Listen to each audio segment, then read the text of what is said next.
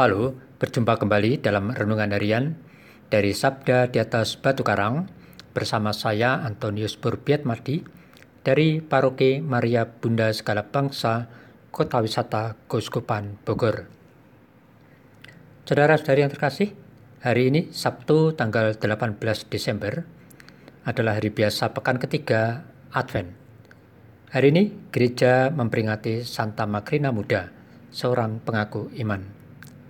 Tema renungan kita hari ini, setia pada kehendak Allah, yang terinspirasi dari bacaan kitab suci hari ini. Bacaan pertama diambil dari kitab Yeremia, pasal 23, ayat 5 sampai 8, dan Injil suci dari Injil Matius, pasal 1, ayat 18 sampai 24. Mari kita dengarkan Injil Tuhan yang akan dibacakan oleh Saudari Monica Rosa dari Paroki Kristus Raja Katedral Kuskupan Tanjung Karang. Beberapa waktu sesudah kedatangan malaikat Gabriel, bergegaslah Maria ke pegunungan menuju sebuah kota di wilayah Yehuda. Ia masuk ke rumah Zakaria dan memberi salam kepada Elizabeth. Ketika Elizabeth mendengar salam Maria, melonjaklah anak yang di dalam rahimnya, dan Elizabeth pun penuh dengan Roh Kudus. Lalu berseru dengan suara nyaring, "Diberkatilah buah rahimu.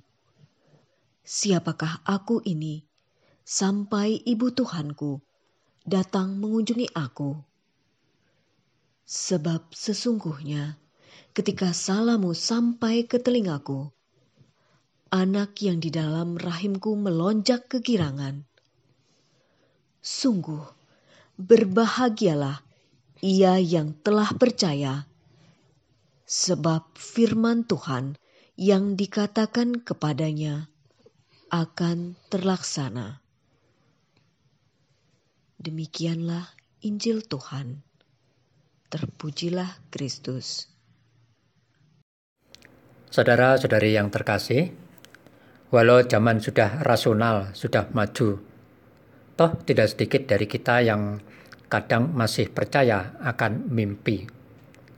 Mimpi bisa dianggap sebagai pertanda keberuntungan atau kesialan.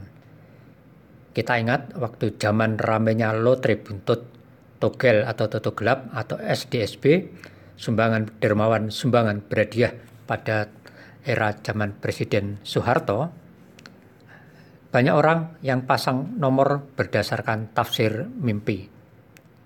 Jika kita meyakininya, kadang mimpi itu adalah pertanda sesuatu yang bisa terjadi dengan sungguh. Saudara-saudari yang terkasih, kita baru saja mengakhiri tahun Santo Yusuf. Dalam masa itu, kita semua diajak untuk merefleksikan hidup rohani hidup beriman Santo Yusuf ketika ia berhadapan dengan suatu persoalan iman.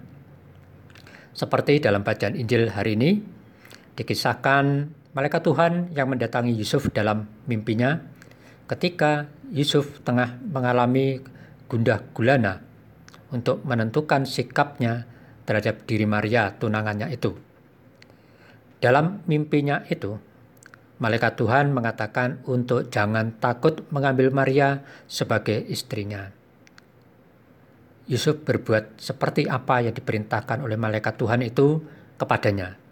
Lalu ia mengambil Maria sebagai istrinya dengan sikap tulus dan setia pada kehendak Allah. Sikap setia pada kehendak Allah telah membuka jalan keselamatan bagi kita umat manusia melalui kelahiran Yesus Kristus, Sang Emmanuel. Saudara-saudari yang terkasih, kita pun sering mengalami gundah gulana, sehingga sulit untuk bersikap atau membuat keputusan dengan tepat dan benar. Jika kehidupan kita sedang risau, galau, atau mengalami beban berat, sehingga kita sulit untuk membuat keputusan, Hendaknya kita seperti Santo Yusuf. Kita hening sejenak dan berdoa mohon bimbingan Roh Kudus. Dan ketika Anda berdoa, undanglah, ajaklah Santo Yusuf untuk berdoa bersama kita dan mendoakan untuk kita. Santo Yusuf, dampingilah dan doakanlah aku di saat hidupku bermasalah berat.